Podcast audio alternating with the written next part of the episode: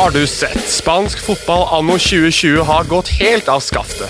Ikke nok med at Pablo Machin ødelegger tittelracet. Ikke nok med at Cádiz har blitt farlig og anføres av en barbar ved navn Conan. Ikke nok med at blomsterbuketten er delt ut til Zinedine Zidane. Nå har vi jaggu meg også fått se scoring av en viss Thomas Lemar. La liga loca. En litt gærnere fotball. Ja, ja, ja, ja, ja. La Liga Loca episode 141 Nei, 142 av det originale og ordinære slaget med meg, Jonas Giæver, hei. Og deg, Petter Wæland, halla. Hallo! Det var mange som poengterte at jeg klarte å si 140 siste episode. Da det var 141, og Ja. det må vi jo da rette på. Eh, Jeg skylder selvfølgelig på at jeg ikke er av det samme Nestor-kaliberet som det Magnar Kvalvik eh, er. Han er jo ikke her i dag heller. Han er på veldig viktig jobboppdrag. Så da er det fortsatt asylantene som driver anstaltet. Eh, hvordan går det, Petter? Jo, det går fint. Det er hektisk, sånn som det skal være. Det er mye ball for tida, og da, eh, da ruller vi. Har det skjedd noe spesielt i helga? Jeg må jo stille de spørsmålene der nå plutselig. Uh, nei, spesielt, ja, For min del så er det litt spesielt. Jeg har jo begynt å jobbe litt som vaktsjef. Uh, så denne helga her så var jeg uh, i hermetegn barnevakt for Rune Bratseth, Jan Åge Fjørtoft og Jon Arne Riise. Så til sammen så har vi vel sånn ca. 250 landskamper. Der jeg har bidratt med null. Ja, Ja. Og det gikk bra, følte du? Ja da, det gikk veldig bra. Fine folk å jobbe med. Noen andre det gikk veldig bra for eh, den eh, helga, var Celta, som eh, fortsetter å imponere under Chacha Codet. Dette her er jo da deres andre seier på rad. 0-2 borte mot Atletic. Det er da første gang Celta vinner to strake kamper i La Liga siden juni. Det var jo da under Oscar Garcia. Etter det så gikk det jo rett i helvete. Eh, Det er også første seieren borte mot Atletic på 14 år. Eh, Samtidig skriver også Marca at Codet bruker nøyaktig de samme spillerne som Oscar Garcia. Altså, det var jo da kaptein Ugo Mayo og legende, konge eh, og unikum Jago Aspas som skåret målene her. Um, ikke, jeg skal ikke dvele så lenge ved dem, for jeg føler at vi fortsatt må være litt sånn vare på hvordan vi skal bedømme Chacho Codet. Men hva gjør han annerledes fra Oscar Garcia? Det er jo en uh, taktisk forandring her. Eh, under Oscar Garcia så var det egentlig litt sånn uh, forskjellig fra kamp til kamp. Så han motstander, både med tanke på presshøyde og um, Men de startet, de startet jo så aggressivt. jeg må få sagt det. De jo, vi snakket jo masse om hvordan de så ut som et ballspillende lag. Under Oscar Garcia, ja. Ja, til å begynne med. Ja, eh, og så begynte de å eh, slite litt, eh, og i stedet for å stå på sine prinsipper og være tro mot egen fotballtro, så begynte man da å justere. Og da, det henta man seg egentlig aldri helt inn ifra. Det var fire mann bak, det var fem mann bak, det var tre stoppere, det var to sentrale midtbanespillere, det var tre sentrale midtbanespillere.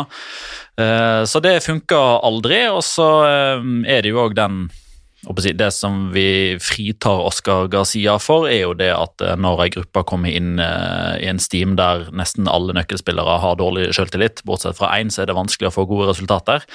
Eh, og der var jo, eller der er Kodet nå inne i en veldig, veldig lovende situasjon, fordi de klarte jo å snu 0-1 til 3-1 mot Granada sist, og så tar de en ny seier nå, så det er liksom ikke bare det at de òg ser bra ut spillemessig, men de får resultater, og de får resultater tidlig, som gjør at dette er mulig å tro på.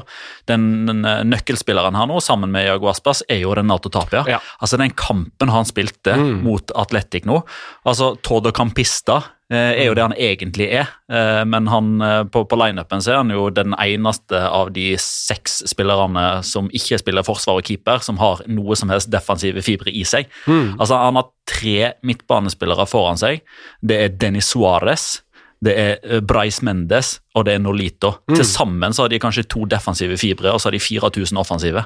Mener- Og så har du Santimina og Jago Aspas framfor der igjen. Ja, jeg mener, husker jeg sa at det kunne bli nøkkelsignering for Celta da han kom inn. At det er en sånn eh, under the radar-type signering. Jeg husker at du jeg jobbet under Copa America for noen år siden. Så var jeg veldig eh, Hva skal jeg si for noe? Uh, overøste vel Renato Tapia med veldig mye av æren for hvorfor Peru tok seg til finalen det mesterskapet. Og man får jo se litt av det med tanke på at han er en destruktiv, men samtidig også ganske kreativ midtbanespiller. Um, Men Atletic her, da. Altså nå, jeg føler at de er inne i en periode der de starter veldig bra. Altså det, det, så veldig bra ut nå de siste par kampene, og så har de Det begynner å bli litt sånn som Betis, nesten. At de ser veldig gode ut. Når de ser veldig gode ut, så ser de veldig gode ut, og så når de har uh, dupper som denne kampen her, så ser det egentlig ganske mediokert og kjedelig ut. Den første omgangen så er det jo Må jeg nesten si at de er ja, kanskje nærmest, da. Iker Monjain har den ene sjansen sin. Han ser jo nå ut som Asterix, som jeg syns er utrolig irriterende. Han har vokst fra å være Bart Simpson til å bli Asterix. Ja, nettopp. Um, men, men, hva kan vi si om Atletic her, da? Nei, i forlengelsen av uh, det vi sa sist, egentlig. Uh, Fram til de begynner å rade opp resultater, så uh, ser jeg ikke noen grunn til å friskmelde på noe som helst måte. Dette var egentlig litt sånn akkurat som vi spådde. Etter et par gode resultater så kommer det dårlig. og igjen så sitter Gaiska Gaditano helt, helt på tuppen. Han kjenner lukten av gummi som er i ferd med å treffe ræva. Han er en hårsbredd unna å fyke en. Det er Valencia og Real Madrid på bortebane i de to neste. Mm. Uh, og det er I sosiale medier skal man kanskje ikke ta så veldig mye hensyn til, eller i hvert fall ikke legge så veldig mye ansvar på, men det er lynsjestemning. Enhver tweet som blir lagt ut av Atletics, så er det Garitano dimisjon og Junta dimisjon, og det, det er fryktelig dårlig stemning, altså.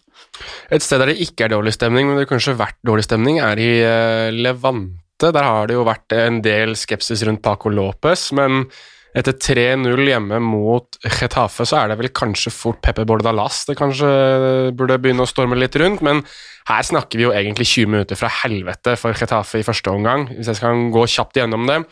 Roger Marti gir eh, Levante ledelsen i det femte minutt. Chema Rodriguez blir utvist to minutter etterpå. Dani Gomez skårer igjen i det 17. minutt for Levante.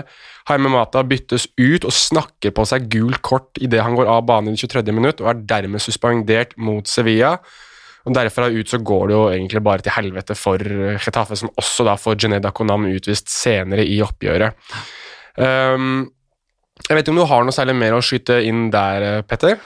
Nei, Du er jo litt inne på det. da. Det var jo eh, en svært pressa trener som egentlig flytta litt av det presset over på motstanderens trener. Og Paco Lopez og Pepe Bordalas har jo egentlig litt sånn um, Ganske mange likhetstrekk ved seg med tanke på veien de har gått. Begge har uh, kommet til trenerjobber i La Liga den tunge, skitne veien. De har stått og spart møkk ned i divisjonene tidligere og jobba seg fram. Mm. Um, og Retafe begynner det jo egentlig å se litt skummelt ut for. Jeg syns egentlig dette her er den, den, vanskeligste og tyngste episoden, eller perioden de har vært inne i etter at Pepe Bordalas uh, overtok. De er seks uh, strake kamper nå uten seier. Mm. De skårer nesten ikke mål. Uh, som du påpeker her, så pådrar de seg tre fravær mot Sevilla. Um, så det ser ikke spesielt lovende ut. Og så er det bare én ting til som jeg har lyst til å ta med fra den kampen her. Uh, og sånn På generelt grunnlag så er vi veldig påpasselige på å snakke dommere ned når de er svake og gjør dårlige prestasjoner. Så jeg har lyst til å snakke opp med Die Jimenez, som uh, etter fem minutter da på mange måter er med på å avgjøre kampen i positiv favør, fordi i den situasjonen som du nevner der Chema blir utvist mm. Han får det røde kortet to minutter etterpå, det er helt riktig, men selve forseelsen skjer jo før Levante skårer. Det er en fantastisk bruk av fordelsparagraf, der han lar spillet gå i stedet for å blåse av umiddelbart. Retafe kontra skårer, og så gir han gult kort og heldigvis så har jo han muligheten til å gå ut og sjekke monitor etterpå og se at dette her er jo eh, en stempling i brysthøyde mm. på Dani Gomez. Bort med et skjema, og derfra ut så sutrer Retafe-spillerne på seg fem gule kort. De fikk fem gule kort for protester.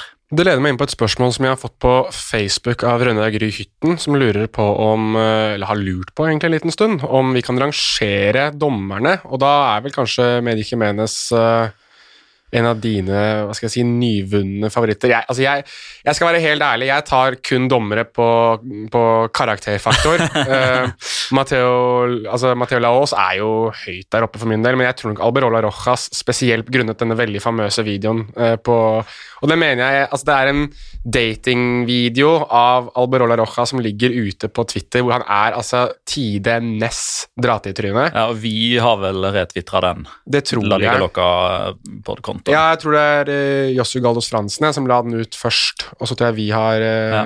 retweeta videre. Uh, men den anbefaler jeg alle å se, og derfor er han min favorittdommer. men, men kanskje du skal gå litt mer faglig til verks, hvis du skal kanskje velge én, kanskje to, bare for å ha unnagjort det? Eh, ja, altså veldig faglig til verks er jeg litt usikker på om jeg skal gå, for jeg er jo ikke dommer. Uh, Jeg tok riktignok uh, dommerkurs da jeg var 15 år. Men, Så du er mer faglært enn meg, for å si det sånn. Veld, veldig tynt grunnlag. Altså, Karakteren Alberola Rojas liker jeg. Dommeren Alberola Rojas liker jeg ikke. Han Nei. legger lista altfor høyt. Eh, det er jo han som annet er årsaken til at Cádiz-trener Alvaro Cervera nå har fått fire kampers karantene. Eh, fordi i kampen mellom Cádiz og Granada eh, Nå husker jeg ikke i farten hvem det var, men jeg lurer på om det var Dimitri Folkier som rett og slett bare løper ned. altså Det er godstog mot eh, Fiat, eh, liksom, eh, inn i 16-meteren. Og eh, Alberola Rojas bare vinker den opp igjen og hører heller ikke på direktivet fra VAR, som anbefaler han å gå ut og se på den. Eh, hvis jeg skal velge én dommer som jeg kunne ha tenkt meg skulle dømme absolutt alle kampene, eh, så står det mellom Hernandez Hernandez og Hilman Sano. Jeg tror det er ganske mange som er uenige med meg, men jeg velger Hilman Manzano. Da sier vi Hilman Sano der, og øh, beveger oss litt videre. Jeg var inne på det i introen, fordi i Spania Og dette er jo et begrep som jeg tror kanskje veldig mange øh, La Liga Loca-fans, lyttere, kanskje ikke kjenner så godt til, men som vi snakker veldig mye om, og er jo det som kalles eh, El Flor de Zidane. Eh, som da er type Direkte oversatt så er det jo da eh, blomsten til Zidane, men, men det er jo forklart i det at han har så mye flaks og gulhår i ræva og de tingene vi kanskje Ja. får brukt på norsk. Det er vel kanskje det uttrykket som er norsk, fornorska, da. Og derfor, eh, det skal vi litt mer inn på når vi snakker om Sevilla Real Madrid 0-1 senere i episoden. En annen kamp vi skal litt mer inn på litt senere i episoden, er Atletico Madrid Valladolid 2-0. Der er det blant annet uh, ja, hva skal man nesten Altså Jeg vil nesten ikke gå inn på det før etterpå, men altså jeg må bare sa få sagt at Thomas LeMar har gjort noe. Det er jo eh, Og Marka hadde som overskrift på en av sine saker Simione hadde et poeng. LeMar er jo en god spiller. Og at man snakker om det nå, typ, hva er det for noe, to år etter at han ble kjøpt, Ja. det er um, ganske spinnvilt. Uh, nå har vi faktisk tre kamper vi skal snakke om etterpå. Den siste er jo da Cádiz Barcelona 2-1. Eh, ja, vi holder, uh, vi holder oss ikke til ønsket til Håkon N. Christiansen, som tvitrer til oss 'ikke snakk om Barca, please'. Uh, Nei, Vi må nok dessverre gjøre det, altså. vi må nok det. Vi kan heller snakke om den kampen jeg syns var mest gøy denne runden. Granada Nå slår, du, nå slår du inn åpne dører. Kanskje, men eh, jeg vil jo tro at det er ganske mange Real Madrid-supportere som syns uh, Cádiz 2 Barcelona 1 var den gøyeste, f.eks. Um, men Granada Huesca 3-3 var den som hadde høyest underholdningsverdi, Mm. eh, vil jeg nå mene. Luis Suárez ikke den Luis Suárez, men en annen Luis Suárez, eh, fra Colombia riktignok. Jorge Molina og Herman Sanchez med skåringene for Granada. Mikkel Rico, Borja Garcia og Shinji Okazaki med skåringene for Huesca. Og eh, Saki Navas eh, stiller oss et spørsmål om har noen i La Liga fått en mer uheldig start på sesongen enn Wesca? Spilt uavgjort åtte ganger og har fire tap, og da tror jeg også han eh, tenker litt i den grad at de har jo sett gode ut, og de så gode ut i den kampen her òg, syns jeg. Ja, og det har vi egentlig sagt her flere ganger, at, uh, at eh, Uesca er et lag som har fått veldig dårlig betalt. og dette, Her topper de jo på mange måter eh, sin egen tendens til å ha uflaks. da De leder 3-1 når man går inn i det 87. spilleminutt. Uh, og så får Jorge Molina satt ballen i mål, og da da rakner det fullstendig. Altså, du, du, du, du bare ser at samtlige OSK-spillere blir bortimot kritthvite. De blir kvalme, de blir redde. Eh, og så mister de ballen med en gang de har tatt avspark, og så bare backer de ned og innenfor 16, og så ender det vel med en dødball og så en ny scoring. Um, de er uh, det niende laget som har uh, starta en La Liga-sesong med tolv kamper uten å vinne, og kun ett av de foregående har klart å holde seg. Det var Salamang Nei, det var Valladolid i 1982-1983. Det er det eneste laget som har beholdt plassen etter å ha gått tolv kamper på rad fra start av sesongen uten å vinne. Men det er ingen som har tatt flere poeng enn Uesca. Og dermed, for å svare på spørsmålet til Sakin Navas, nei, jeg tror ikke det er noe som har vært mer uheldig eh, i den gruppa der. Eh, altså Åtte av tolv kamper har blitt spilt uavgjort, men det er samtidig en grense for hvor lenge man kan snakke om at det bare er uflaks, eh, og at nå ligger neste, eller første seier rundt neste sving. Men jeg gjør det en gang til, jeg. Alaves hjemme. Eh, altså Vi spådde jo sånn halvveis her at eh, når vi satt der for en uka siden, at ja, Granada borte, de er på vei ned, Europa League før og etter, Mm. kanskje kommet nå. Det var fryktelig nære, mm. så vi tar en martingale, vi spiller kvitt eller dobbelt, og så spår vi Uesca-seier mot Alaves. Hvis ikke, da tror jeg eh, godeste styrmann kan eh, stille spørsmål igjen. Har Mitchell fått sparken ennå? Og da tror du svaret er ja? Da tror jeg svaret er ja. Ja.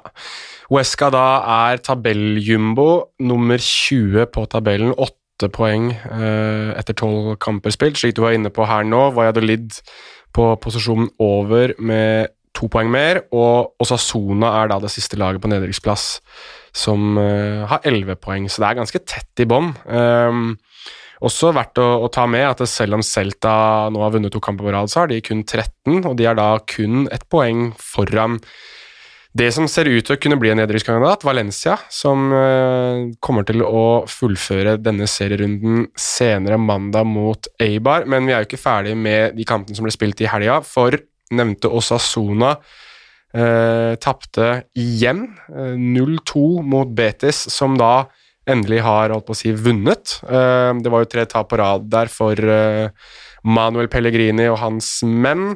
Spørsmålet er jo litt hvor dette prosjektet til Pellegrini står, for nå har jo Ede Sarabia, eh, assistenten til Kiki igjen, vært ute i media og flørtet litt med at de kunne være interessert i en retur til Betis. Og da er jo det lov i hvert fall å stille spørsmål rundt et litt hva skal vi si for noe lidenskapelig og ikke akkurat lite trigger-happy Betis-styre som Nei, kanskje ser dette.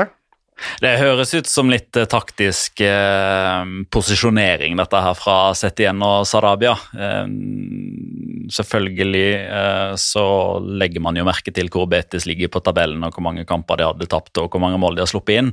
Men samtidig så tror jeg at Manuel Pellegrini var en såpass prestisjesignering at det skal veldig mye til for at de lar han gå. Um, og ja, spesielt så det var dårlig timing for uh, Sarabia å sette igjen at Betis vant nå, da. Eh, for nå har de jo igjen da klart å få et aldri så lite eh, pusterom. Eh, men altså det er, det er jo så enten-eller for Betis. Enten så taper de og ser bedritne ut, eller så, de, eller så vinner de og så ser de smashing ut. Mors og Betis der, altså. Ja, ikke sant? Og Pandaen slapp endelig ut av buret igjen. Ja, det var jo Jeg holdt på å si, man har jo ikke sett han altså, siden pandemien startet, holdt jeg på å si. Siste scoring var vel i Pandemien? pandemien, ja. Det har vel vært eh, Var det ikke januar han skåret sist, da? Jeg, jeg jeg sjekket det opp Ja. mot, mot eh, Real Sociedad. I en 3-0-seier så hadde han en scoring, og da har vel, det har vel gått Hva er det for noe, 20 kamper eller noe siden sist? 25. 25 kamper siden sist, ja. Ehm, jeg må jo nesten ta med statistikken, da, for jeg synes det er ganske gøy at andremålsskåreren her, Juan Miranda, er født Altså, han skåret ut sitt aller første mål for Betis, kom til Betis eh, fra Barcelona nå i overgangsrunden som var, er jo opprinnelig Betis-gutt. Har jo gått gradene der, og så blitt hentet over til eh, La Masia-systemet, altså Barcelonas akademi som er født da 19.1.2000. Mannen med assisten til Juan Miranda var da Joaquin, som debuterte for Betis 3.9.2000. Han kunne vært faren hans. Han kunne det. Um, og, og, det hadde ikke vært sånn kjemperart heller, sånn egentlig, for Joaquin var vel 19 år eller noe da han- debuterte. Han er vel 81-modell. Ja. Så det hadde liksom ikke vært det rareste i verden. Nei, det hadde ikke vært eh, ulovlig. Nei. Eh, og apropos sånn eh, Dette er faktisk ikke et potensielt familiebånd, det er jo faktisk et familiebånd. Kjempehelg for familien Feker. For bror til Nabil, Yasin, Ja. han skårer jo ett av målene da B-laget til Betis vant 3-0 mot B-laget til Sevilla eh, på nivå 3 i spansk fotball denne helga. Så da ble det nok noe godt i glasset søndag kveld. Veldig kjapt her. eh, Fire tap på de siste fem for Osasuna. En annen trener det kan være verdt å snakke litt om snart, er vel Jakob Arrasate. Kanskje. Men jeg tror vi eh, skal snakke litt mer om Michel og Garitano først. Du tror det? jeg. Ja, tror vi ikke det? Han bør jo ha opparbeida seg litt buffer, han.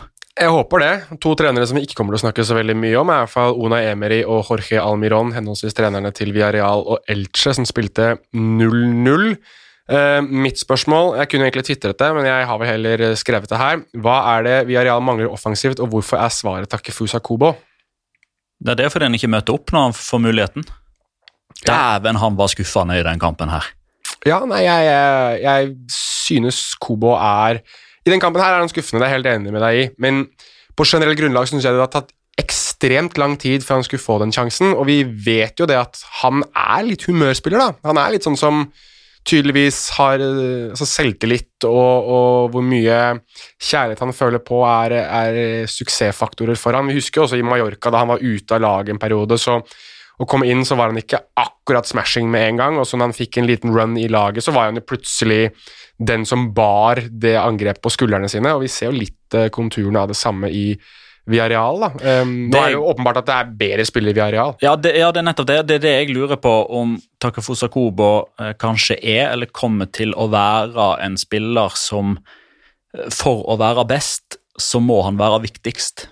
Ja. Det ble han etter hvert i Mallorca. Det er han ikke i nærheten av å være i Villarreal. Eh, For når han spiller for Villarreal, så er han bak Gerard Moreno. Han er bak Paco Alcácer eh, når han er skadefri. Eh, Enn så lenge så er han bak Samuel Chukwese. Han er bak Moy Gomez, med tanke på hvem som er viktigst.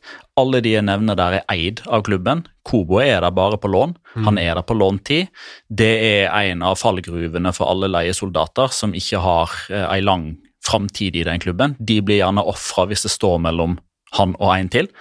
Eh, Det er jo på mange måter egentlig bare normal klubblogikk som nærmest enhver trener vil prente inn i sitt og andre sitt hode, men sportsdirektøren må ha litt flere baller i lufta samtidig, for han skal pleie forhold til Real Madrid osv. Det har jo blitt spekulert i at Real Madrid allerede nå ser på muligheten for å ta Kobo vekk fra Viareal og finne en annen klubb til han i januar. Om det ligger noe i det, eller om det er bare media som spekulerer, det er jeg litt usikker på.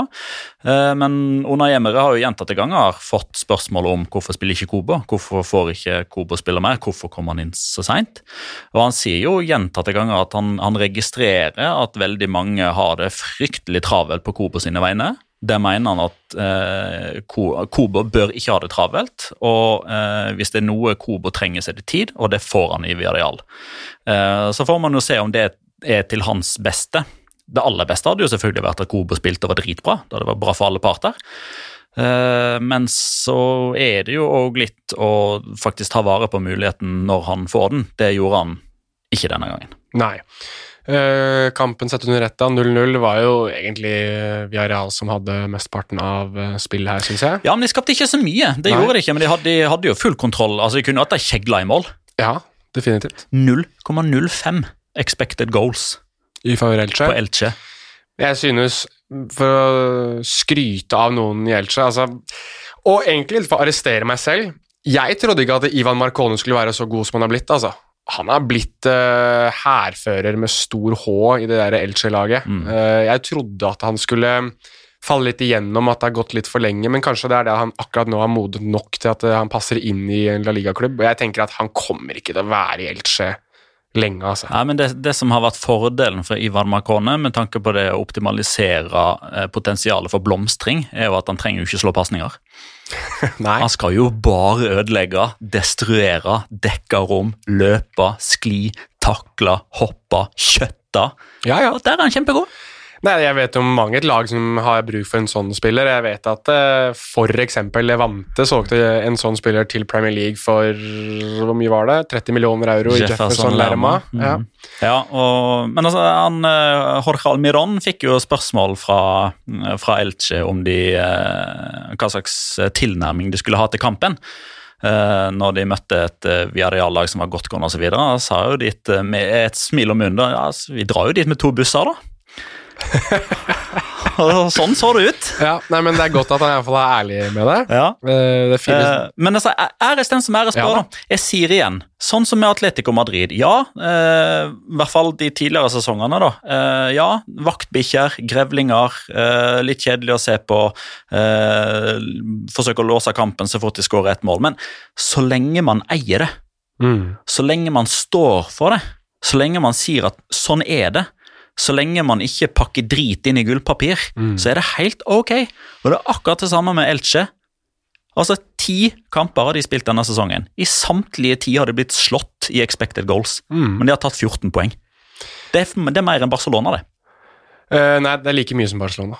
De er 14-14. Ja, det er helt riktig. Og de er altså like mange kamper spilt, like mange poeng. Så de, Barcelona ligger foran vel på målforskjell. Ja, det er det eneste det er som riktig. gjør at de er Men de er foran Alaves, for eksempel, med to kamper mindre spilt. De er foran Atletic med én kamp mer spilt. Foran Getafe med én kamp mer spilt. Foran Valencia med én kamp mer spilt. Altså, de er tro til sin stil, og de får det til å, å fungere. Eh, og det var litt eh, det jeg skulle inn på her nå, at de har kun sluppet inn ti mål på ti kamper. Det er veldig imponerende for et Ja. nyopprykket lag. Edgar Bardia står veldig høyt til å eh, være eh, min keepernominasjon på sesongens eh, gjennombrudd eh, slash nybegynnerlag. Ja, Da er du god, for det er vel en som vi skal inn på litt seinere som burde Det gå foran han. Ja, det er duellanten. eh, noterer meg også at Marka hadde en litt lengre artikkel om at det går veldig bra med økonomien til Christian Bragarnik om dagen. Så Oh. Elche-supportere, vi kan vel da kanskje personifisere de Eirik Koren. Kan jo smile greit av at det tydeligvis så gjør Christian Bragarnik det veldig veldig bra økonomisk. Kanskje litt januarinvesteringer på gang, da? Ja, Det skal vel sikkert noen argentinere inn døra der, regner jeg med. Ja. Sikkert noe fra Querétaro i Mexico, et eller annet sånt noe. Ja. Eh, Skal vi tippe en fra Querétaro, en fra Argentinos Juniors og en fra New York All Boys? En fra Boca Juniors. Bocca òg. Ja, vi sier det. Hvorfor? Tidligere lagkamerat av Ivan Marcone. Noe sånt noe. Ja. Kanskje han eh, åh, Tiago Almada eller noe sånt. En Mm. sånn supertalent som kommer over. Som du aldri hadde forventa skulle spille i Elche, men som går dit. Du hørte det her først. Hørte det her først. Et lag som også er fullt av supertalenter, i hvert fall hva angår spillere som kommer gjennom eget akademi, er Real Sociedad. De spilte da 0-0 mot eh, Alaves. Eh, jeg bare rangerer opp her nå, eller name-dropper. Gorosabel, Sanyan, Subeldia og Ayen Munoz. Det er eh, backrekka til Real Sociedad for den kampen her, og det skriker jo både B-lag og skader og rett og slett ikke noe særlig dybde defensivt. Um, og når du da i tillegg også tar med at David Silva måtte melde pass under oppvarmingen, Mikkel Oyarzabal er skadet og Jeramendi fortsatt er ute, så begynner man nå å nå smertegrensa, føler jeg, for Real Sociedad. Altså. Man er på tannkjøttet. Eh, Virkelig. det første jeg tenker når du liner opp den eh, backrekka der, er jo nesten sånn at de har måttet spørre foreldrene deres om de fikk lov til å være oppe så lenge. Det var jo kampstart 21, kampen var ferdig 23. Det er nesten så de skal gå og legge seg sånn til vanlig i den tida der. Ja. Ikke mye rutine. Eh, det er greit, det er ikke en gjeng med 17-åringer, så litt overdrevet er det, men igjen da sterkt å holde nullen.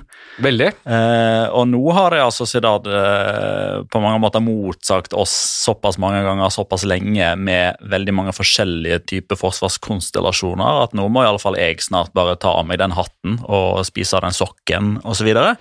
Står fortsatt på at de ikke kommer til å være i nærheten av å vinne ligagull til slutt. Nei. Eh, men eh, det som, eh, det som uroer meg litt nå, er jo at de tilsynelatende har mista litt piff eh, i form av å avgjøre jevne kamper til sin fordel. Mm. Akkurat i denne kampen her så er det ganske lett å forklare. Det er David Silva og Mikael Sabal som ikke er med. Mm. Eh, heller ikke noe Adnan Janusai.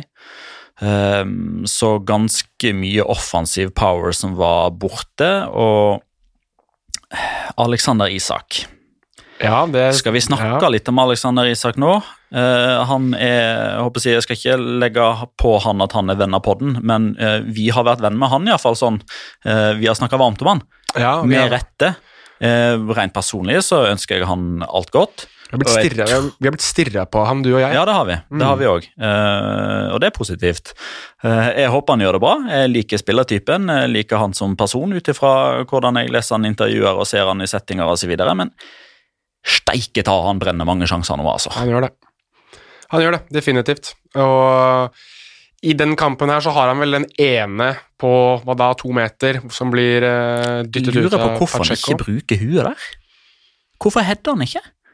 Og jeg trodde du mente hvorfor, han, hvorfor tenkte han ikke gjennom det han gjorde? Ja, bokstavelig talt. Hvorfor tenkte jeg litt mer sånn Jo, men liksom, Hvis han hadde brukt huet, så hadde han jo brukt huet. Ja, ja, godt poeng. Nei, jeg vet ikke. Uh, det kan jo være at han ikke føler seg komfortabel i hodespillet. Jeg vet ikke. Ja, det blir spekulering, og det har jeg prøvd meg på før, og det har ikke fungert uh, så bra. Det er jo, kommer litt uh, til refleksjon i tippinga vår, men Men nei, altså, du har et godt poeng, men jeg føler at Real Sociedad Altså, Det jeg tenker, er bredden der. altså. Greit nok, jeg syns Ander Guevara var fantastisk god i den kampen her, og, og var man of the match, egentlig, i, min, i mine øyne, sammen med Pacheco åpenbart i målet til Alaves, men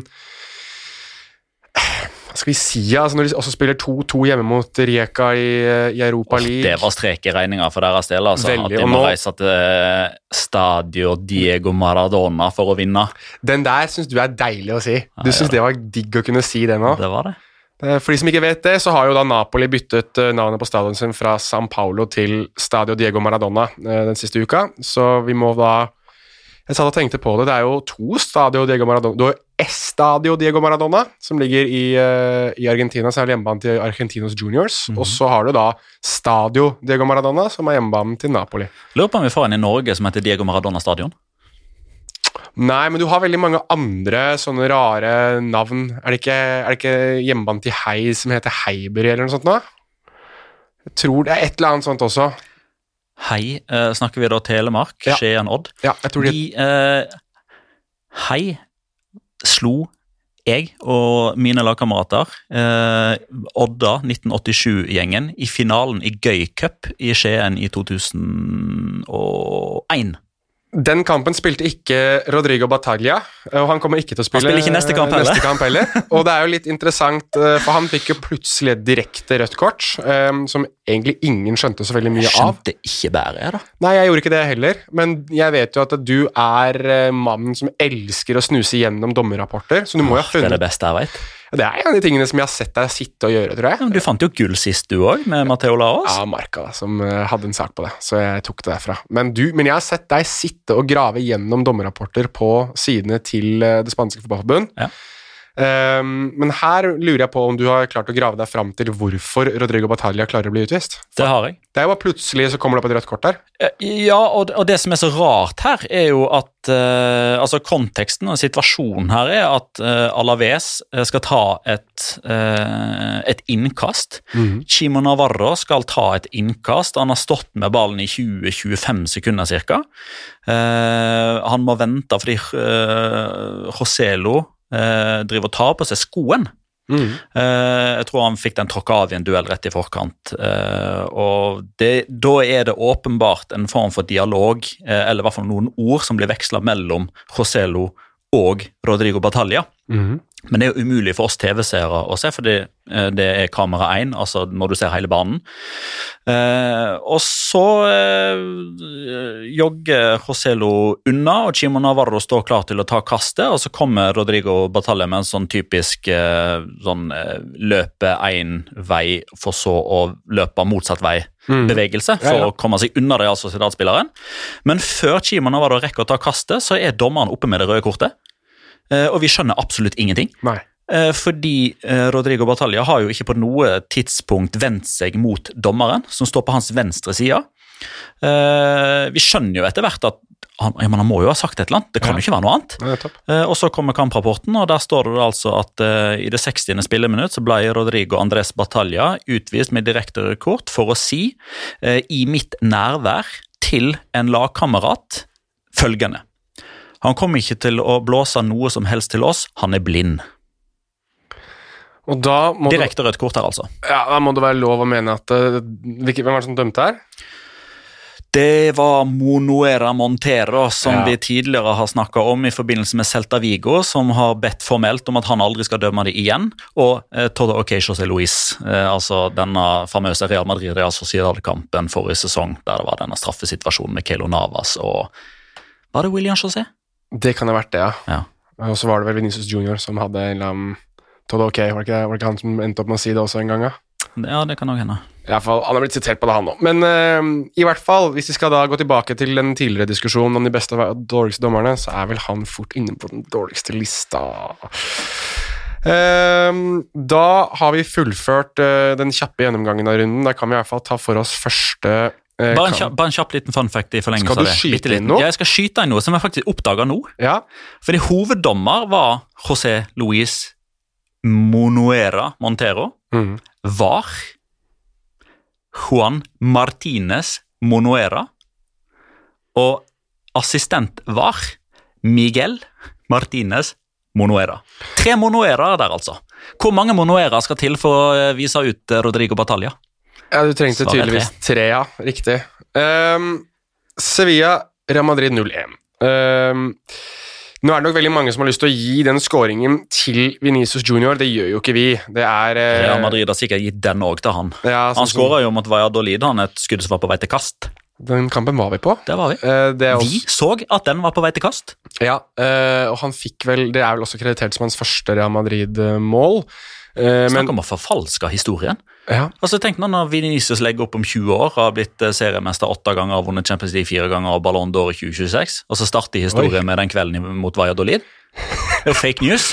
Det var for, for en ettermiddag i uh, Valladolid som eh, Ja, jeg husker at blodsukkeret var ganske lav på visse mennesker utenfor den stadion etter den kampen, men det ble litt for internt, så vi går heller videre til det som ikke er så internt. Um, kanskje intern styrke, må vi vel si at Zidane eh, gikk tilbake til en midtbane bestående av Tony Kroos, Casemiro og Luka Modric. um, som så gode ut. Jeg synes de så trygge ut. De så ut som de kjente hverandre og har spilt sammen i haugevis av år, og det har de jo strengt tatt. Um, og det kommer jo da på bakgrunn uh, og etter en ræva oppladning av begge lag. altså Real Madrid taper igjen mot Sjaktar Donetsk og blir tidvis pissa på der òg. Og hvis det er noen som ble pissa på, så var det Sevilla som fikk kjørt seg av uh, firemålsskårer Olivier Giroud. Vi snakker om dette i 2020, folkens. Um, men uh, kampen sett under ett er jo egentlig Jeg må jo være ærlig og si det var ingen høyde av en fotballkamp. Det var en ganske kjedelig fotballkamp. Det var den ene skåringen, og så låste jo Zidane og Real Madrid egentlig igjen. Um, og da går det jo litt tilbake til den suksessfaktoren deres med det du snakket om en gang i tiden, om at de begynte å bli det nye Atletico Madrid. Med det at de skåret et mål og egentlig ikke gjorde så veldig mye med resten av kampen. Det så man litt tendensen av her, følte jeg. Det så vel egentlig ut som at denne kampen her ble spilt sommeren 2020. Ja, riktig. For da, eh, da var de flinke til dette her. Da skapte de nok til at de fikk uttelling, og så eh, skalka de lukene i etterkant og holdt nullen. Det er òg litt sånn en forlengelse av den fornemmelsen vi har hatt med at når Alaves, Kadis og Sjakta kommer besøk, på besøk, så er ikke det stort nok. Det er ikke godt nok. eh, Det er ikke attraktivt nok. Motivasjonen fallende og kvaliteten blir for lav. Mens eh, hjemme og borte mot eh, Inter, eh, El Clásico på Camp Nou, seier på Ramón Sánchez Pijuan altså Når kampene er store nok, så leverer de jo hver gang. Mm. Så det er jo det store problemet og utfordringa til Zidane, at han må prøve å enten stable sammen en elver som til sammen er god nok og motivert nok, Mm. eller klare å piske Kroos, Modric, Marcelo, den gjengen der til faktisk å prestere òg mot Alaves, Cádiz og. Nettopp. Og Det er òg en av grunnene til at jeg er jeg skal ikke si at jeg er helt sikker, fordi Real Madrid er ikke til å stole på, men jeg er ganske trygg på at Real Madrid kommer til å eh, katte seg videre mot Gladbach òg, på onsdag. Mm. Og kanskje òg ta et poeng eller tre mot Atletico Madrid Mm. på, eh, til, til helga nå. For det er, det er store kamper som gjør at det blodet bruser når de kjører eh, bil på vei til eh, treningsanlegget, kontra at de tenker åh, jeg skal løpe 90 minutter og skal vi løpe en mil mot uh, Rodrigo Batalja og Thomas Pina som ligger i hælene våre og gjør at vi får blåmerker og gnagsår. Mm. Um, det er litt i forlengelsen der, altså. Men um, ikke så ofte man kan dra eh, Eller jo da, det er sikkert ofte man kan sammenligne Solskjær og Zidane, for begge har skåra mål og er tidligere fotballspillere og er nå trenere i klubber som de har spilt i før. Skåret mål i Champions League-finaler. Ja, nettopp. Eh, enda mer presist og bra. Eh, men begge to er litt sånn Er de trenerkatter? Har de ni liv? Hver gang det brenner på dass, så klarer de å finne brannslukningsapparatet. Det er jo en egenskap i seg sjøl, det òg, men problemet er at man kanskje havner der litt for ofte. Jeg tror at uh, jeg har alltid hatt en slags tanke rundt når du ansetter trener eller klubbikoner, klubblegender, så er det også de vanskeligste personene å sparke. Fordi at de har en så stor affeksjon hos supporterne. Og ehm, det gjør veldig vondt for veldig mange hvis de plutselig skal kastes, da. Uh, og for Zidane i enda større grad enn Solskjær, fordi Ja. han har hatt det så fantastisk bra også som trener, med tre strake Champions League-titler og en Champions League-tittel som assistenten til Carlo Ancelotti, så da fire Champions League-titler som trener, da.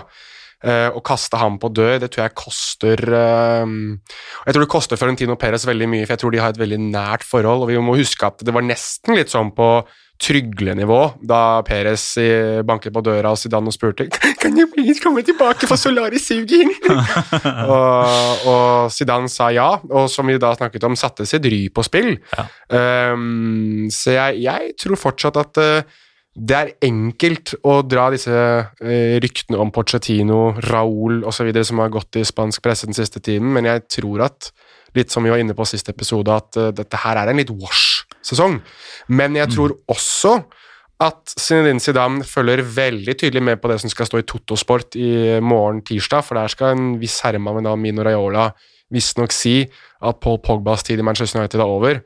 Og jeg tror at hvis det er en tid der Zidane kan si at ok, jeg må ha noe, jeg må ha noe til å liksom få dette laget litt, litt ny giv i det laget her, med tanke på skadene til Ødegaard, med tanke på at Edin Hazard aldri er skadefri, så tror jeg fort at han kan peke litt bort på Perez og si at skal vi få det til å fungere med meg, så er det nok han den vi må ha inn dørene her.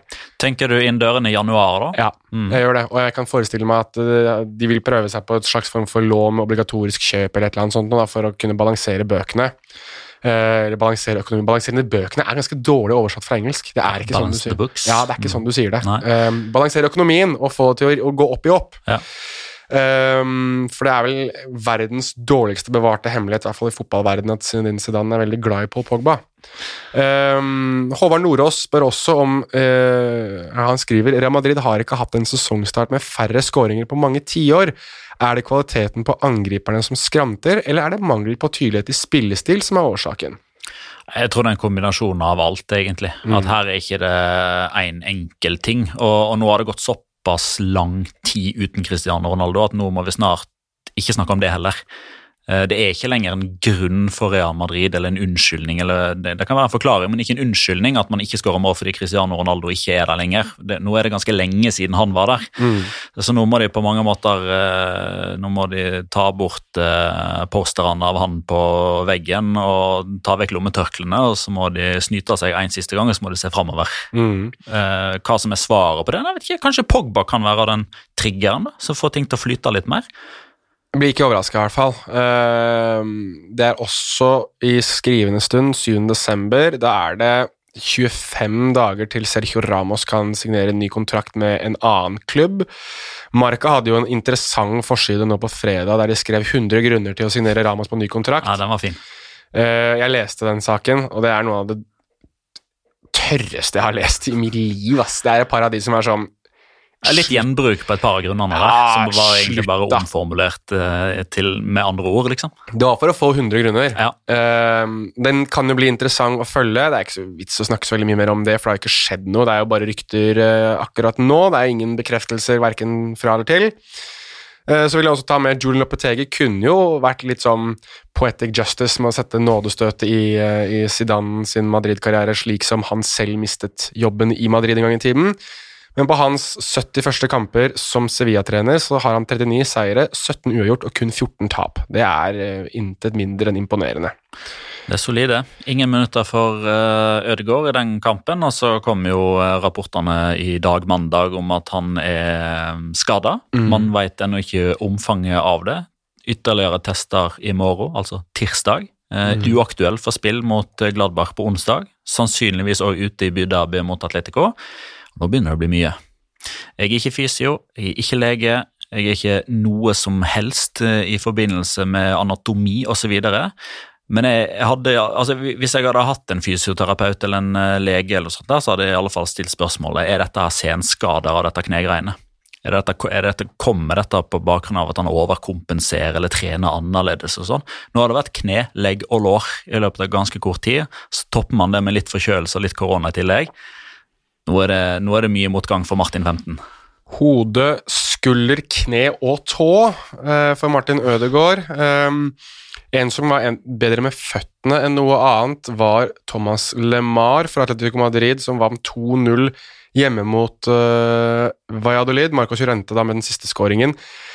Nå spilte de jo 1-1 først mot Bayern München. De uh, vinner her og er ganske klar ligaleder. Um, med tanke på at Pablo Machin har fått en sånn race against the Machin, uh, eller rage against the Machin-opplegg, med å prøve å ødelegge for alle rundt Atletico Madrid, tydeligvis, så er jo spørsmålet litt hvor godt er dette? Altså er, nå er det ti kamper vel på rad for Atletico Madrid uh, uten tap i ligaen. Hvis jeg ikke husker feil. I ligaen så er det ja, men, uh, Nei, denne sesongen her, tenker jeg da. Ja, denne, ja, men tar du med totalt, ja. så er det jo 25. Ja, Nei, det, 26. Ja, nettopp. Men jeg tenker 27! Ja, det, er, det, er, mange. Det er mange kamper, kan vi ikke bare si det sånn? Ja, det er fryktelig mange. Um, og spørsmålet er jo litt Skal vi se om jeg ikke finner spørsmålet. Um, egentlig så er det vel, kan vi ta det Atletti-Sven spør om. Uh, en veldig viktig uke for både Atletti og Madrid, som begge to åpenbart skal ut i kamper i Champions League også. Men er det til helgen La Liga blir avgjort? Hvis Atletico Madrid vinner den kampen, så skal jeg ikke si at det er avgjort, men da eh, skal man argumentere hardt og lenge for å prøve å snakke inn noe spenning i kampen om førsteplassen. altså. Ja. Uh, for da vil de ha ni poeng ned til Real Madrid med én kamp mer spilt, og tolv poeng ned til Barcelona med to kamper mindre spilt. Uh, og det er type forsprang som vi det var vi inne på sist. Aldri blitt henta igjen. Barcelona har aldri altså Ingen som helst lag har noensinne vunnet La Liga etter å ha vært tolv poeng bak serielederen på noe som helst tidspunkt av sesongen. Atletico Madrid, altså den spanske utgaven av Bodø-Glimt når det kommer til utgangspunktet. Atletico Glimt? Atletico Glimt. Uh, Sergio, treneren til Valladolid, sa, uh, prøvde vel kanskje å finne litt trøst i at de måtte bruke sine beste spillere for å slå oss. Uh, og da er jo jeg litt inne på at det er jo en kjempetillitserklæring til Thomas LeMar. Som, som starta i stedet for Joao Felix. Nettopp. og det er jo litt sånn Det har vært en sånn artig føljetong, da. At Thomas LeMar ikke får noen ting til, og når skal LeMar selges? Og hvert eneste vindu så har det vært skal Bale og LeMar endelig forsvinne fra Madrid, og så har han ene gått, det andre blitt. Men nå har det gått to kamper der LeMar har vært veldig god og sett veldig imponerende ut. Og så er jo det store spørsmålet om Klarer dette bare var et blaff, ja, eller om han òg eh, Altså, Jeg stiller jo spørsmålet er han i det hele tatt i startelveren i de to neste kampene mot Salzburg og, eh, og Real Madrid, når på mange måter sesongen står litt på spill. Eh, først i negativ eh, frykt og så i positivt håp. Altså, Taper de mot Salzburg, da er de ute av Champions League. Mm. Eh, skulle Lokomotiv Moskva gjøre jobben mot et reserveprega Bayern München, så ryker Europaligaen i tillegg. Ja. Eh, og skulle de tape mot, uh, mot, Real Madrid, da er på mange måter Jeg skal ikke si at momentum er snudd, men da, da ryker den rekka på 26 kamper. Da er man kanskje tilbake litt sånn at ja, men til syvende og sist så vet du hvem som er storebror i hovedstaden. Mm. Da kan det fort snike seg inn en litt sånn ok, skal det ryke? Mm. Selv om vi ligger så bra an. Selv om vi har takla pandemisituasjonen så mye bedre. Mm. Selv om Real Madrid og Barcelona er i et generasjonsskifte og ikke er i nærheten av så gode som de pleier å være. Så den kampen eh, som kommer nå til helga, den er jeg så ufattelig spent på. Mm. Nei, jeg er ikke uenig. Um, selv så, så, tror jeg litt det at hvis du nå gir Atletico Madrid-supporterne valget om vil du slå Real Madrid til helga, men ryke ut av Champions League i midtuka, så, så, tror jeg de aller fleste Atletico Madrid-supporterne ville sagt ja. Det jeg, tror jeg òg. Ja, jeg tror ikke at Champions League spiller så mye inn i år, da, når, når, du er dette, er dette, er muligheten for Atletico Madrid. Altså, ja. som, som, du sier, vinner de nå Altså, Tebas står og, og, og uh, vift, vifter med La Liga-trofeet foran dem, som ja, ja, ja. en sånn esel med gulrot foran. Nei, hest er det vel som løper med gulrot foran. Ja, ja, jeg er helt enig. Det er uh, Altså, den seieren nå altså Hvis det blir seier til helga, så er Da vil jeg nesten si at det, er sluttkjørt. Altså, Det er vanskelig i hvert fall å tro at det, det, må, jo, det må jo en kollaps av episke proporsjoner til for at Atletico Madrid da ikke skal vinne ligaen. Og det sier vi etter at de har spilt elleve seriekamper, Ja. men det er fortsatt mindre kamper enn rivalene rundt. Og når rivalene rundt først og fremst er Real Sociedad og Real Madrid, og begge vet at de har snublet litt både her og der, og Barcelona altså Strengt tatt, vi skal litt inn på de nå straks òg, men at de, de ser mer ut som de må kjempe for en Champions League-posisjon i år enn noe annet. Ja, er Da det, altså. er man inne i en, en ligasesong der man virkelig kan gjøre noe stort med tanke på å ta en ny ligatittel. Men la oss heller gå videre. Ja, To baklengs på ti kamper. Ja, det Det er, er jo helt enormt. det er Det er tangering av uh, La Liga-rekorden. Uh, bare et kjapt spørsmål. Ja, Uh, la oss si at i romjula så spilles det kamp. Drit i at vi er i pandemi og at det er karanteneregler osv. Ja. I skal vi se hva er midten da, la oss si at de møttes i Paris. da. Atletico Madrid, Bodø-Glimt. Klarer Bodø-Glimt å skåre? Oi! 95 mål i eh, Eliteserien på 28 kamper mot to baklengs på 10 kamper i La Liga. Jeg tror det er 96 jeg nå, Bodø-Glimt. Um, ja, det er et godt spørsmål, faktisk. Det er veldig, det er, men jeg syns det, det er en større fjær i hatten til Bodø-Glimt enn noe annet. At, oh, ja, at man ja. faktisk må stille spørsmålet der. Men jeg får, jeg får være Altså, jeg har sett uh, Atletico Madrid egentlig låse Liverpool ute nesten på, hjem, på Anfield. Ja. Og Liverpool er verdens beste fotballag sammen med Bayern München i min bok. Så jeg må si at nei, jeg tror Atletico Madrid dreper det ganske greit. Ja. Eh, men jeg har et eh, langskudd fra Marius Lode i bakkant som kanskje kunne ha tatt Oblak.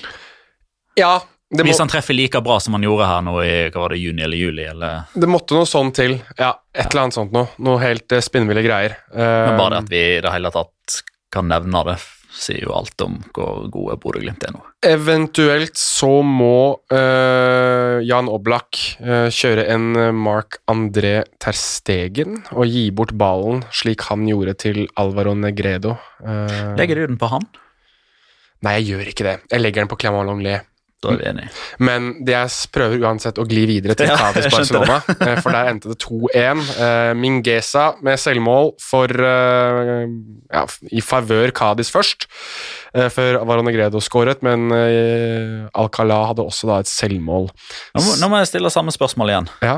Gir du den til Mingesa? I større grad enn jeg gir den til Longley eh, på eller Ja, i form jeg av gir skyld i baklengse. Ja, Ja, ja, ja. Oscar Mingese er eh, skyld i baklengse, ja. ja, Men det er jo ikke han som skårer målet. Det er jo ikke et sjølmål. Alvaro Jimenez tar den før den er inne. ja, greit. Jeg gir den til Mingesa, men det er kanskje fordi jeg syns det er så helt sinnssykt at du klarer å stå upressa og heade den mot eget mål, men det får så være min greie. Det er Eh, derfor det er viktig å ha mange kolonner i Excel-skjema. vet Du Du har selvmål og du har skyld i baklengs. Det er litt greit at uh, når jeg er programleder, så er det du som spiller djevelens advokat, for vanligvis så er det jo Magnar som styrer. Så jeg begynner å skjønne hvorfor han begynner å bli pissed off på meg i løpet av episoder. Jeg gjør faktisk det. vi begynne å skyte inn litt ting av? Ja, gjør det hvert øyeblikk, please. Kom, på slutten så må du huske å minne meg på at jeg skal si ting om iTunes og sånn nå, så er vi Ja, ja, full circle her.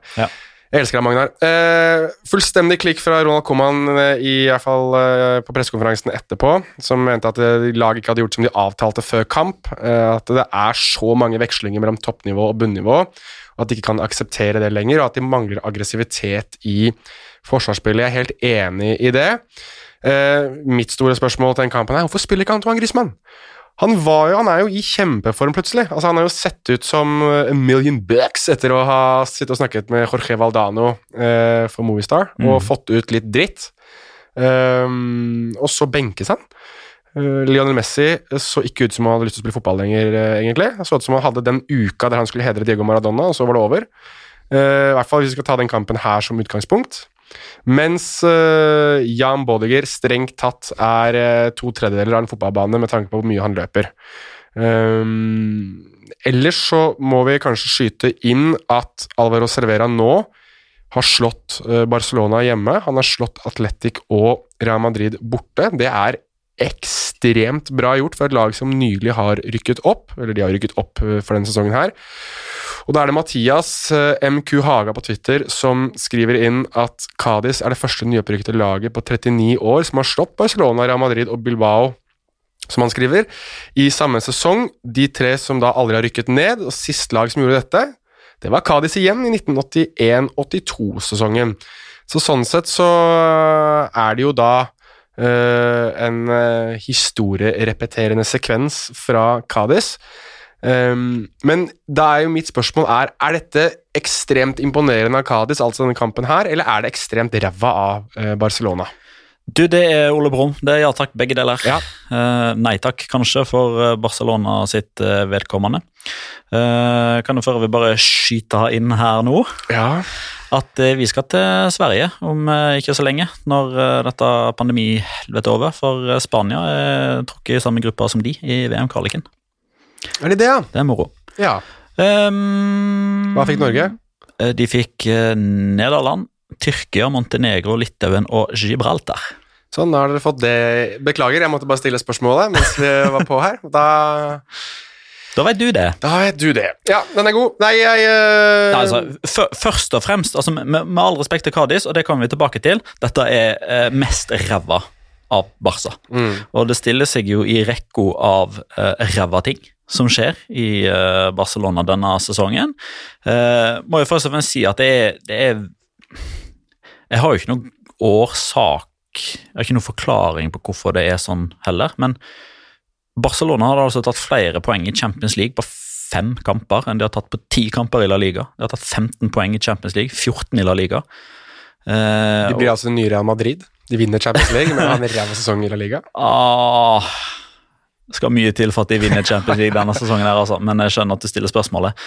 Um, jeg beit meg merke i noen ting som eh, Cádiz-trener eh, Alvaro Cervera sa etter kampen. Han servera dette etter kampen. Han serverte av følgende. Uh, han plukka egentlig litt på Koman, rent sånn eh, taktisk. Og han sa jo at når vi, eh, med tanke på måten vi spiller på, Mhm. så var han veldig happy da han så lagoppstillinga. Eh, og så at de kjørte Coutinho istedenfor Dembélé. Eh, på grunn av eh, er ble jo skada.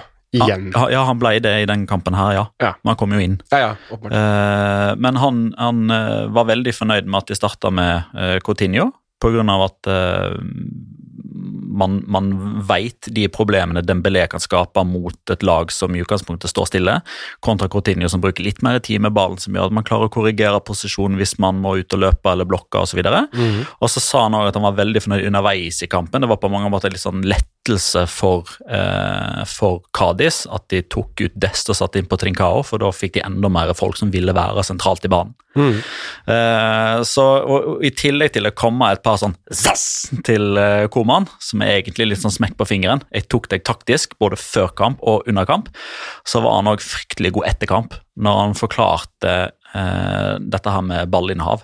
For det var det som liksom var den store snakkisen etter kampen. Barcelona har 81% ball, men klarer ikke å vinne kampen. Mm. Eh, Så får han et spørsmål om det, hva, hva, er liksom, hva er planen. Eh, og Han får jo egentlig et spørsmål som er litt sånn kritisk med Skaper dere ikke veldig mye trøbbel for dere sjøl med alt det måtte forsvare? Mm. Og da sier han at eh, Se her, hør her. Hvis jeg hadde hatt de spillerne som Barcelona har, så hadde jeg òg ville hatt ballen. Eh, og dette sier jeg med all respekt til mine spillere. Mine spillere kan ikke ha ballen. I hvert fall ikke så mye. Nei. Vi har ei spillergruppe som ikke ønsker å ha ball. Vi ønsker å jobbe, vi ønsker å løpe, vi ønsker å kjempe, og vi ønsker å kontra. Og for at vi skal komme i de posisjonene, Så må motstanderen ha ballen. det er nettopp det. Er nettopp det. Og nå har de òg fått øvd seg i ganske mange kamper mot god motstand og fått sjøltillit. De har et stopperpar, de har backer, de har tre sentrale midtbanespillere som nå er veldig komfortable. Altså litt sånn Det er egentlig ikke fattigmanns Atletico Madrid heller, men det er bare en ikke like god eh, eller stor utgave av Atletico Madrid, sånn som Divan og Simione kom inn. Mm. Uh, og jeg syns det er så uh, fascinerende og ikke minst bra at man kan ha trenertyper som Paco Lopez, som Jorge Almiron, som eh, Alvaro Cervera, ikke minst. Eh, ikke nødvendigvis 100 enig i absolutt alt de holder på med, fra et nøytralt perspektiv, med tanke på det at hvis man ser fotball, så vil man gjerne se skåringer. Eh, men altså, i motsetning til Ronald Koeman, som sitter og klager ved enhver anledning. Når han klager på VAR, han har klaget på egne spillere, han har klaget på kamptidspunkter, han har, har klaget på kampbelastning. Ikke måte på hva den nederlenderen han klager på. Zidane sier absolutt ingenting. Han er verdens kjedeligste manager å høre på når han er på pressekonferanse, for han sier bare grå ting. Mens Alvaro Salveda byr på liksom taktiske analyser i etterkant av kampen. Trekker fram ting som motstanderen gjorde, som han likte, som han ikke likte. Og, eh, og, akkurat det der eh, Det er, sånn, sånn sekvens på pressekonferansen varer sånn ei 20 eller noe sånt, som bare går sin seiersgang på Twitter blant eh, spanske fotballtrenere litt ned i divisjonene. Liksom, 'Dette er vår mann. Dette her er vår mann'. Ja, ja. Det er jo sånn det skal være, det. Jeg minner meg litt, grann, eh, kanskje ikke like mye, men jeg husker da en del av Når han valgte å være faglig, for han hadde veldig mye eksentriske greier òg. Men de gangene Paco Chemes var faglig og forklarte ting om hvorfor han spilte på den måten han spilte, som de som ikke er kjent med Paco Chemes, han er jo spill, kjent for å spille med åtte angripere, liksom. Altså hele laget skulle angripe samtidig, men han forklarte jo veldig ofte hvorfor han hadde den tilnærmingen. At han visste at jeg, jeg vet ikke hvordan jeg skal forsvare meg. Altså, jeg, jeg kan kun angripe. Mm. Uh, Jorge Sampaoli også hadde den tilnærmingen veldig ofte som Sevilla-trener, hvor han prøvde å forklare hvorfor spiller man mann til mann forsvar. Um, og Det er interessant når du har trenere som gidder å, å, å greie ut om de tingene der. Både Dallas også har prøvd å gjøre det, men de siste tida så har han jo bare blitt mer og mer sur, uh, han også. Um, for å gå litt videre før vi skal inn på rundens spiller uh, Neymar har jo vært ute og sagt at neste sesong så håper han å spille med Lionel Messi. Og da har jo ryktebørsen virkelig fått vann på mølla. Er det Neymar som skal til Barcelona, eller er det Messi som skal til Paris Saint-Germain? Og for å ta det kjapt, hva tror du? Er det, Hvis du skal legge huet på blokka nå, og hva tror du, hva tror du Neymar uh, hinter til? At det er han som skal tilbake til Barcelona, eller at han skal prøve å lure Messi til uh, Parc du Pré? Altså, eh, jeg tror helt ærlig at med mindre han, med mindre han bare, liksom, bare sier det på kødd, for å skape litt sånn føss. Hvis det ligger noe i det, så tror jeg faktisk han eh, spiller med liksom doble kort. Eh, jeg tror han ser på begge ting som mulig, jeg. Ja. Men bare han har lyst til å spille med Messi igjen. For det er da han har vært Men Dette er eh, kjedelig. Vi, ikke, vi vil ikke at Jo, jo, jeg, jeg, jeg kommer med et okay, svar. Jeg ja, kommer med et svar. Bra. Eh, og med tanke på den økonomiske situasjonen i Barcelona, mm. og med tanke på kontraktsituasjonen til Messi, ja. så er svaret mitt at det er større sannsynlighet per nå for at Messi går til PSG, enn at Neymar går til Barcelona. Der har du oppslagene i alle aviser i morgen. La Liga-ekspert tror Messi skal til PSG. Um, ehm, runden spiller, eh, Petter. Mm. Uh, vi har jo da valgt ut tre, og det her er første gangen vi har to fra samme lag i, uh, i runden spiller, tror jeg. Uh, vil du gå gjennom nummer tre? Eh, det høres litt vondt ut å gå gjennom han. Ja, For han, han, står som en mur. Ja, Han går jo gjennom ganske mange når han først ruser ut i feltet uansett. Ja, eh, Jeremias Ledesma, aka Konan. The Barbarian. Der har du det. Ja, eh, Står jo igjen en kjempekamp, og, er jo òg med på å legitimisere den måten Cardi spiller fotball på, fordi de vet at hvis de skulle være så uheldige å slippe motstanderen til en god sjanse, så ligger han som regel nede i hjørnet og plukker den ballen. Eh, fantastisk eh, bekjentskap som jeg bare hadde Altså, navnet hadde streifa meg. Jeg visste hvem han var da han kom dit, men hadde liksom ikke noe bakgrunnsinformasjon på han. Jeg visste ikke om han, om han var god på det eller det eller det. Jeg kunne ikke ha rangert han inn. Han var et sånn ukjent faktor for meg når han kom. Og dæven, det har vært et fint bekjentskap. Jeg blir veldig overrasket hvis ikke han blir Argentinas nye førstekeeper så, så hardt eh, og Det er ikke at Argentina har så ekstremt mange gode keepere, men det er jo liksom uh, uh, Armani, altså mm. Franco Armani som står for River, som er liksom den som har vært ubestridt. Og akkurat den kampen her kommer jo til å gjøre han enormt godt. For denne her var det ja, ja. mange i Argentina som faktisk satt og så. Det er ikke nødvendigvis alle som setter seg ned for å se Elche mot Cádiz bare fordi Baganic og Almiron uh, sitter ved roret i Elche. Tipper det var mange som så kampen mann nummer to også spilte, med tanke på at det var søndagskamp klokka ni. 0-0 eh, Alaves, eller Sociedad Alaves. Fernando Pacheco, eh, keeper for Alaves. Jeg har lenge ment at han har vært en keeper som man ikke har lagt veldig stor merke til, men som har vært veldig god over lang tid nå. Um, og jeg tror at det er en keepertrio ved navn David De Gea, spesielt Kepa Rizabalaga og Unai Simon som må se seg veldig over skulderen nå, fordi sånn som han har spilt denne sesongen og foregående sesong, og egentlig sesongen før der òg, så mener jeg at han i hvert fall skal inn på det spanske landslaget. Og hvis De Gea, Unai Simon og Kepa fortsetter å være ustabile som de har vært ganske tydelig både på landslag og klubblag, så ser du snart på Alaves-keeperen som, som Spanias nummer én, altså. Så, og her er han jo ellevill og har den redningen vi snakket om uh, mot Isak, som blir kampavgjørende for Alaves. Uh, er en på William José noen ganger. Ja, det er nå, selvfølgelig. Og, og, er generelt sett Han er sånn quietly brilliant, som man sier på engelsk. Altså, det er ikke det var litt sånn som for eksempel, for å ta en annen keeper, da, Edin van de Saar. Han gjorde ikke noen sånn kjemperedninger, men var alltid veldig god. Og var mm. aldri høyt oppe på rangeringer, fordi at han gjorde det nødvendige, og gjorde det nødvendige såpass Det så så enkelt ut da, at du aldri la helt merke til han. Sånn som for eksempel Iker Casillas, som var ekstrem og fikk det til å se ekstremt ut hver gang. Mm. Vinneren, da? Ja, nei, det, det, er jo en farlig liste, det her, da. Ja. Så vi er vel enige om at midtstopper Fali for uh, Kadis uh, Og det er vel litt jeg, jeg har skrevet uh, litt grann at uh, en vanvittig defen, defensiv bragd, og han er sjefen helt bakerst for Kadis. en helt av de sjeldne og en hærfører defensivt. Og han er alt det Barcelona manglet, og alt det Kadis har. Så Tre taklinger, sju klareringer, to blokkeringer og lagde kun ett frispark. Har du, har du antall headinger der òg? Antall ganger det ble skreket 'Pumba' utover banen der? Jeg er ikke sikker på tallet, men det er samme det er samme antall. For hver gang han header unna, så roper han 'bomba'! Ja, Det er eh, det man må vite om, uh, om Fali. Og en annen ting som jeg kan skyte inn, jeg vet at vi nærmer oss eh, slutten her nå, men uh, det gjør meg egentlig litt varm om hjertet at det er nettopp Fali som er så god. Uh, jeg vet ikke om du husker tilbake igjen til når vi satt i, i lockdown i april, kan det ha vært det? Jeg vet hvor du skal. Da var det én mann eh, som skilte seg litt ut i covid-19-debatten i Spania. Eh, da var det ingen spillere som sa noe. De bare var i lockdown og oppførte seg. og, eller, Det er feil å si at de oppførte seg, men det var ingen som, eh, ingen som sa noe, ingen som mente noe. Bortsett fra Farlig.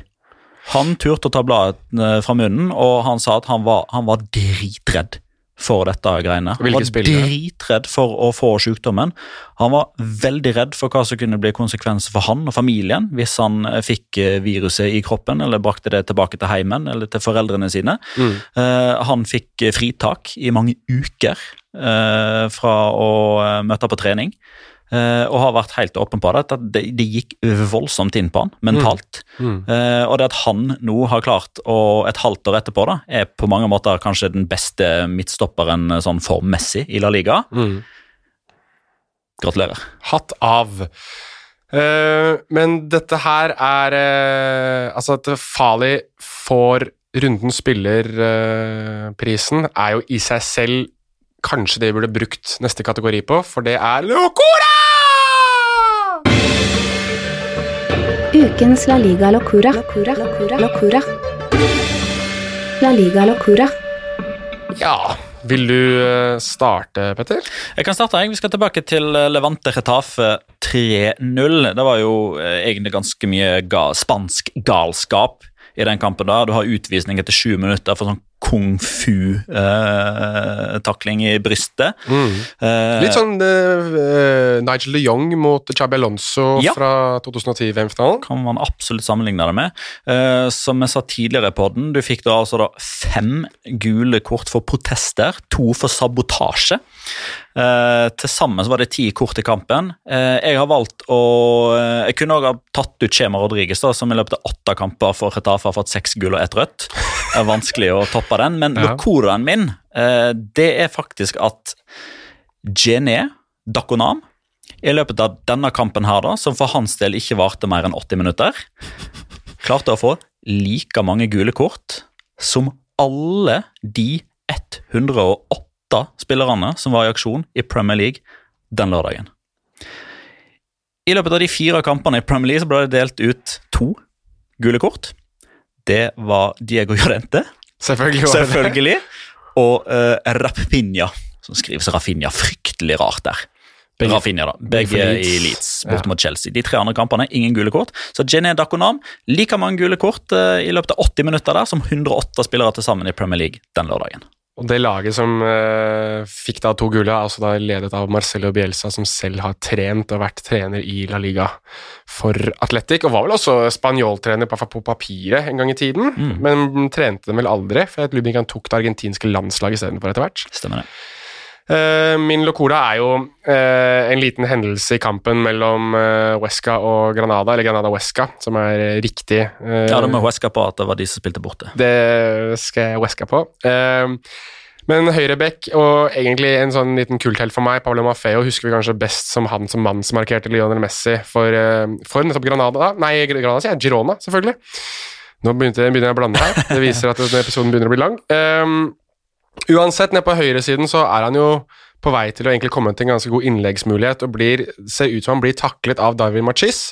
Faller over, dommer blåser ikke, og like før ballen forsvinner utover kortlinja, så kaster da Maffeo seg fram og stopper ballen med panna. Eh, liggende så klarer han å stoppe ballen med panna, før han da kjapper seg opp og får sparket ballen mot mål og er på vei til å få slått et innlegg. Da er David Manchista kjapt igjen og avkutter han. Og det er eh, Producer der er utrolig på vakt, for han klarer å få en slow på det, at, eh, at eh, Pablo Mafeo da rett og slett demper ballen med panna. Vi har jo da sett spillere som har prøvd å blokkere skudd med trynet. José Maria Og Jiménez, Nicolas Otamendi der har vi et par. Nå har vi da også sett en spiller som har dempet en ball med panna liggende på bakken. Så all honnør til eh, Pablo Mafeo, ikke like mye honnør til eh, Jenny Dakonam. Eh, noen andre som kanskje skal både få honnør og ikke så mye honnør, er deg, meg og Magnar for tippingen vår. Magnar Magna bitte litt. Magnar bitte litt. Vi tippet jo sist uke eh, på Sevilla Real Madrid. Den endte da 0-1. Eh, du, Petter, hadde 1-1 med Benzema som første målskårer. Det betyr null poeng. Du har 11. Magnar hadde 1-2 med uh, Sluk de Jong som uh, første målskårer. Det gir da ett poeng. Han har også 11. Og så er det selvfølgelig jeg, da, som sa at ikke tipp på noe av det jeg gjør, for det er jo det riktigste i verden. Jeg hadde 2-1 med Enny Syri som uh, målskårer. Han startet ikke kampen engang. Det betyr null poeng på meg. Jeg har tre. Så jeg begynner å se ut som Wesca jeg nå, når det kommer til eh, de greiene her. Uh, jeg har da bestemt at uh, neste eh, kamp blir Nå er jeg spent. Det må jo bli El Derby. Mhm. Eh, og jeg har fått eh, tips fra mange der, men jeg har ikke husket å skrive det inn, så du må nesten gi meg eh, Ja, men Jeg kan komme med mitt tips imens. jeg, da. Jeg tror eh, Real Madrid står litt oppover asken. Eh, La Flor de Sidan 2-0. Sergio Ramos, første målskårer. Kontroversiell straffe. ja. Hvem dømmer, holdt jeg på å si? Er det Monera Montero? Det, det blir ikke klart før et par dager før eh, kampen blir Nei, spilt. Det var, jeg vet. Det var bare siden vi har snakket om han og om dommere generelt. Uh, Magnar har tippet 2-1 med Fede Valverde som første målskårer. Mens jeg går for 1-1 med Joao Felix som første målskårer, for det er jo en slags greie med at uh, Atletico Madrid tar ledelsen, og så er det Sergio Ramos som ødelegger for dem. Det har man jo sett ved et par anledninger. Uh, neste serierunde da sparkes i gang fredag 11. Da er det ryseren Valladolid og Sassona som gjør rette på at alle sammen skal benke seg for å se. Andre godbiter eh, nå til helga. Vi var inne på eh, Real Madrid og Atletico Madrid, som møtes klokken ni på lørdag. Getafe møter da Sevilla før det, klokken kvart over fire lørdag. Og så synes jeg man kanskje burde ta en titt på Betis Villarreal, som også sparker av kvart over fire, da på søndag. Eh, og så er det vel sikkert manges øyne som skal være rettet da mot Camp Nou eh, søndag klokken ni, da Barcelona møter Levante. Selv så synes jeg også at eh, mandagskampen som vi ikke rekker da å snakke om før i retrospekt, altså Celta Cádiz, blir høyst like spennende. Og så kan vi kanskje snakke om Valencia, da, som møter Atletic klokken to. Selvfølgelig så får de tidlig avspark, fordi det er en klubb som ikke fortjener annet enn det om dagen. Uansett, eh, jeg skal prøve å ikke la min eder og galle spys ut over neste episode like mye som det kanskje gjorde, gjorde akkurat nå, men jeg er veldig glad for at du, kjære lytter, har hørt på 1 time og 13 minutter av dette virvaret som jeg og Petter Wæland har Jeg skulle klart. skyte inn at du måtte ikke glemme iTunes og sånn på slutten. Ja, eh, takk for at du minner meg på det, Petter. Eh, husk å gå inn i iTunes. Søk eh, på La Liga Loca. Legg igjen en review og en kommentar og en sånn stjernegreie etterpå at den ikke blir like høy som den vanligvis er etter disse, etter disse minuttene. Men uansett, vi setter veldig stor pris på det. Som sagt, vi har fått veldig mye tilbakemeldinger på dere som sender oss disse Spotify-resumeene deres for 2020. At det er mange av dere som har hørt hinsides mange minutter av La Liga Loca. Det setter vi kjempepris på. Eh, Så tusen takk for det, og så høres vi jo i neste uke, kjære lytter. Ha det, da!